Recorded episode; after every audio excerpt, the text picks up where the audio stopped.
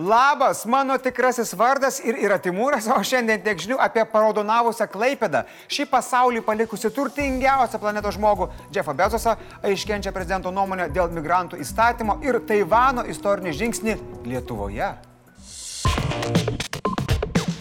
Dar vakar kalbėjom apie nepavydėtiną koronaviruso statistiką Klaipėdoje, o jau šiandien ji pateko į raudonąją sergamumo zoną. Šiek tiek padidėjo ir bendras Lietuvos rodiklis. Penktadienį Klaipėdoje jūros šventė startuos su mugėmis, renginiais ir koncertais. Būtent jie kelia didžiausią nerimą. Epidemiologams didelių problemų dėl to, kad žmonės vaikščios po senamestį ar neužsibūdami vienoje vietoje apsilankys mugėje, nėra. Tačiau ilgai stovėti didelėme būryje nėra saugiausias būdas leisti laiką. NVSC Klaipėdos departamentas departamento vadovas Raimondas Grigaliūnas ragino šventės svečius būti itin atsakingais. Jis kvietė pasvarstyti, ar ne geriau savaitgalį praleisti gamtoje, nes švenčių dar tikrai bus. Nu ir tikrai dabar ir oras malonesnis, nebe taip kaitina. Epidemiologai sudarė rekomendacijas šventės dalyviams ir svečiams. Žmonės, jaučiantis peršalimo ar kitokius koronaviruso simptomus, raginami nevykti į renginius. Esantis izolacijoje turėtų, na, jiems turėtų būti izolacija. Uždarose patalpose saugokite save ir kitus užsidedami kaukę. O koncerte, anot rekomendacijų, stovėkite atokiau nuo visų kitų arba kas 15 minučių keiskite vietą. Nu, bet koncerte šiaip visi yra atokiau vieni nuo kitų. Organizatoriai įpareigoti užpildyti rezervuarus vandeniu, rankų plovimui ir dezinfekavimui. Prekybininkų reikalavimą dirbti su pirštinėmis, kaukėmis bei naudotis dezinfekcijos priemonėmis. Savaitgalį su Klaipėdos meru susitikusi premjerė Ingrida Šimunytė supranta, kad pajūrio gyventojams ši šventė svarbi, tačiau ragino laikytis saugumo. O Klaipėdos meras šiandien pareiškė, kad jūros šventė turi įvykti, turi būti visiškai ekstremali situacija, kad ji būtų atšaukta. Tačiau jie tikrai nelaukiami nepasiskėpę žmonės, keliantis grėsmę savo ir kitiems. Čia mero žodžiai.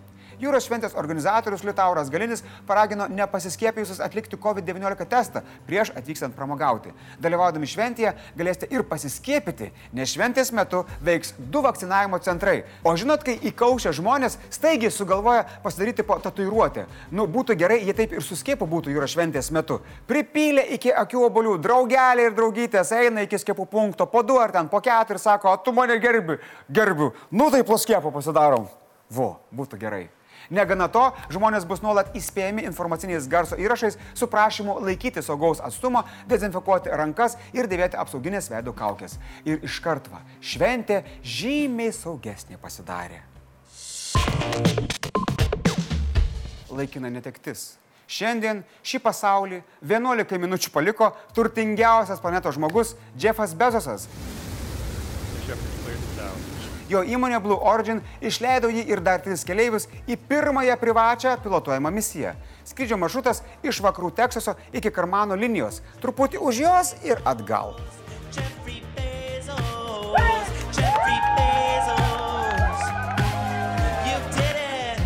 Karmano linija yra 100 km aukštyje esanti riba, skirianti Žemės atmosferą ir tai, ką vadiname kosmosu. Raketa New Shepard skrieja didesniu nei 3700 km per valandą greičiu, o švaraus raketos kūro dėka vienintelis jo šaltinis produktas yra kliksmai ir garai. Patys pažiūrėkite. 3, 2, 1. Neseniai įvyko panašus milijardieriaus Richardo Bransono skrydis, tačiau tarp šių milijardierių matavimuose Raketomis yra skirtumų. Bransonas su pakeleiviais pakilo į 80 km aukštį, ko pagal amerikiečių matavimus užtenka, jog jie galėtų būti vadinami astronautais. Tačiau kosmoso jie taip ir nepasiekė. Skiriasi ir skrydžiai. Bezoso raketoje ne vieno piloto, tik keturi civiliai. Bransonas skrido su dviem pilotais. Jeffo raketa taip pat pranašesnė didžiuliais langais, kurie nors ir netrodo kaip nausėdos namas, bet yra didžiausi langai, pro kuriuos kas nors yra žiūrėjęs į kosmosą skiriasi ir ambicijos. Nors tiek Bransonas, tiek Bezosas siekia sukurti civiliams prieinamus, gal turtingiems civiliams prieinamas keliones į kosmosą, Bezosas nori eiti toliau. 2000 metais jis įkūrė Blue Origin siekdamas pastatyti plūduriuojančias kosminės kolonijas su dirbtinė gravitacija, kuriuose dirbtų ir gyventų milijonai labai turtingų žmonių. Įspūdinga, mums mažiau jam tai taip. Žmogų dabar dar labiau panašesnį į ateivį, nes pakilo į kosmosą arba grįžo iš ten, iš kur nukrito, lydėjo 82 metų lakūnė rekordininkė Voli Funk. Ji jau seniai būtų buvusi rekordininkė, jeigu nebūtų buvusi moterim. Nu, pati kalta, ne? Voli vyriausias į kosmosą pakilęs žmogus.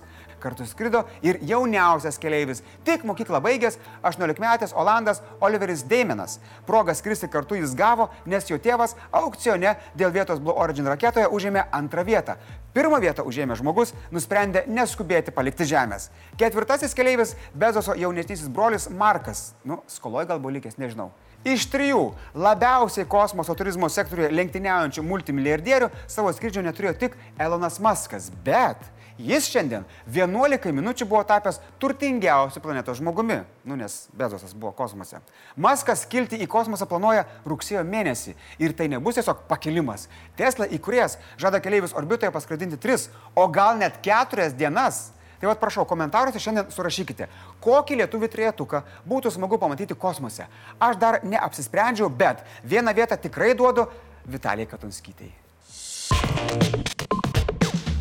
Atsimenate praėjusios savaitės migracijos įstatymo pataisas, kurias Seimas taip skubėjo priimti. Panašu, kad prasiskinusios kelias Seime jos visgi gali atsimušti į aukštą ir gražią prezidentūros sieną. Jo ekscelencija artimiausių metų priims sprendimą, ar vetuoti įstatymo pataisas. Nevetuotų tokiu atveju, jei Seimas su vyriausybė įstatymą ištaisytų rudens sesijos pradžioje. Su marsiečiais bendrauti mėgstantis prezidento patarėjas Povilas Mačiulis įvardijo didžiausią problemą, kurią mato prezidentas. Primant šitą įstatymą turbūt e, žmogaus teisės buvo užmirštos ir išmestos į, į šiukšlių dėžę. Vidaus reikalų ministrė Agnė Bilotaitė nesutinka su kritika. Jos teigimu, nelegalių migrantų teisės yra gerbiamos. Pasak jos, numatytas tas pagreitintas pabėgėlio statuso nagrinėjimo procesas yra netgi palankesnis migrantams, bet to yra užtikrinamos gyvenimo sąlygos, medicinė pagalba ir teisė į teisinę gynybą. Tiesa, įstatymė numatyta, kad tam tikros teisės gali būti laikinai ir proporcingai ribojamos. Tačiau, pasak ministrės, tai būtų daroma išimtiniais atvejais, kai tų teisių negalima užtikrinti dėl objektyvių priežasčių. Labai įdomu, kaip tą patį dalyką skirtingai mato politikai. Bilotatė teigia, kad nėra pažeidžiamos ES teisinės nuostatos, o nausėda žiūri į šiukšlių dėžę ir ten mato gulinčią ginančias migrantų teises. Seimo pirmininkė irgi nepatiko prezidento patarėjo metaforos. Viktorija Čmilytė Nilsen sakė, kad dabar nėra laikas tokiems vaizdingiems pasisakymams. Dabar laikas daryti darbus. Kas nakt Lukašenka permeta į Lietuvą kelias dešimtis migrantų, kurie yra tapę įrankiu e, šio diktatoriaus rankose. Ir mūsų uždavinys šiandieną yra apsaugoti e, Lietuvos žmonės, apsaugoti valstybę Jei prezidentas vetuos pataisas, Čmilytės teigimu būtų šaukiama neįlinė Seimo sesija, kurioje būtų balsuojama dėl prezidento veto. Kitaip tariant, balsuojama dėl prezidento veto išmetimo iš šiukšlių dėžę. Tai šitoks kaip veto inceptionas gaunasi, žinai, keli lygiai. Net po 18 metų Taivanas atidaro savo naują atstovybę Europoje. Ir tai daro Lietuvoje. Jei galvojate didelio čia daikto, tai žinokit, kad didelio. Tik 15 valstybių pripažįsta 23 milijonus gyventojų turinti Taivaną kaip atskirą valstybę. Kinija salą laiko savo dalimi ir žada ją susigražinti, prireikus jėga. Tad ši Taivano atstovybė, kuri oficialiai vadinsis Taivano atstovybė Lietuvoje, nemenkas reikalas. Jų užsienio reikalų ministras Josefas U. atstovybės atidarimą pavadino labai reikšmingu ir pridūrė, kad abi šalis vadovaujasi tomis pačiomis laisvės ir demokratijos vertybėmis. Taivano užsienio reikalų ministerija Facebook'e žinia paskelbė paveiksliuku, kuriame bičiuliaujasi gandriukas ir meškiukas. Eikit, palaikinkit. Sprendimas sutina Kinija yra dėl ko. Gegužė Lietuva šlapių skudurų trenkia kinams per veidą, kai paskelbė pasitraukianti iš Kinijos bendradarbiavimo su vidurio ir rytų Europos valstybėmis formu 17 plus 1. Po to padovanojame Taivanui apie 20 tūkstančių vakcinų nuo COVID-19. Na, malonus faktas. Šaltojo karo metu Taivanas nepripažino Baltijos šalių okupacijos. Na, graži bendra mūsų istorija. Mes rudenį planuojame Taibėje steigti Lietuvos verslo atstovybę. Dėl Taivano atstovybės atidarimo Kinija perspėjo Lietuvą, paragino mūsų demokratišką aršinykštukę nesiųsti klaidingų signalų nepriklausomybės jėgoms. Ekspertai ragina įvertinti galimą asimetrinį kinų atsaką, pavyzdžiui, kibernetinėje erdvėje. Na, man atrodo, kad kol kas visi signalai, kuriuos siunčiame, nėra klaidingi, nes ryšys labai geras.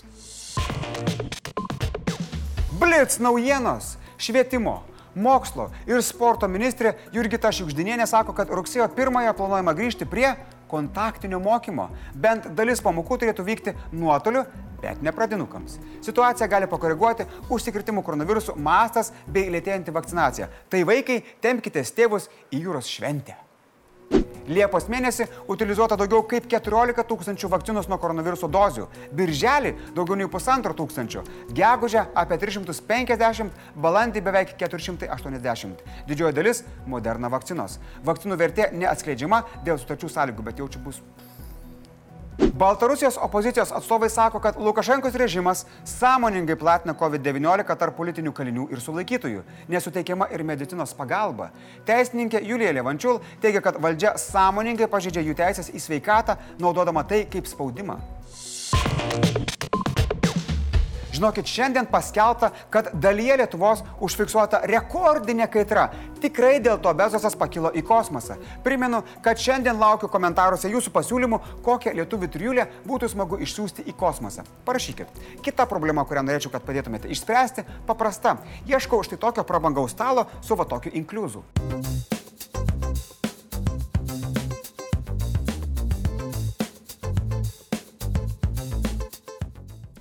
Šiandien tiek žinių, iki kitų kartų.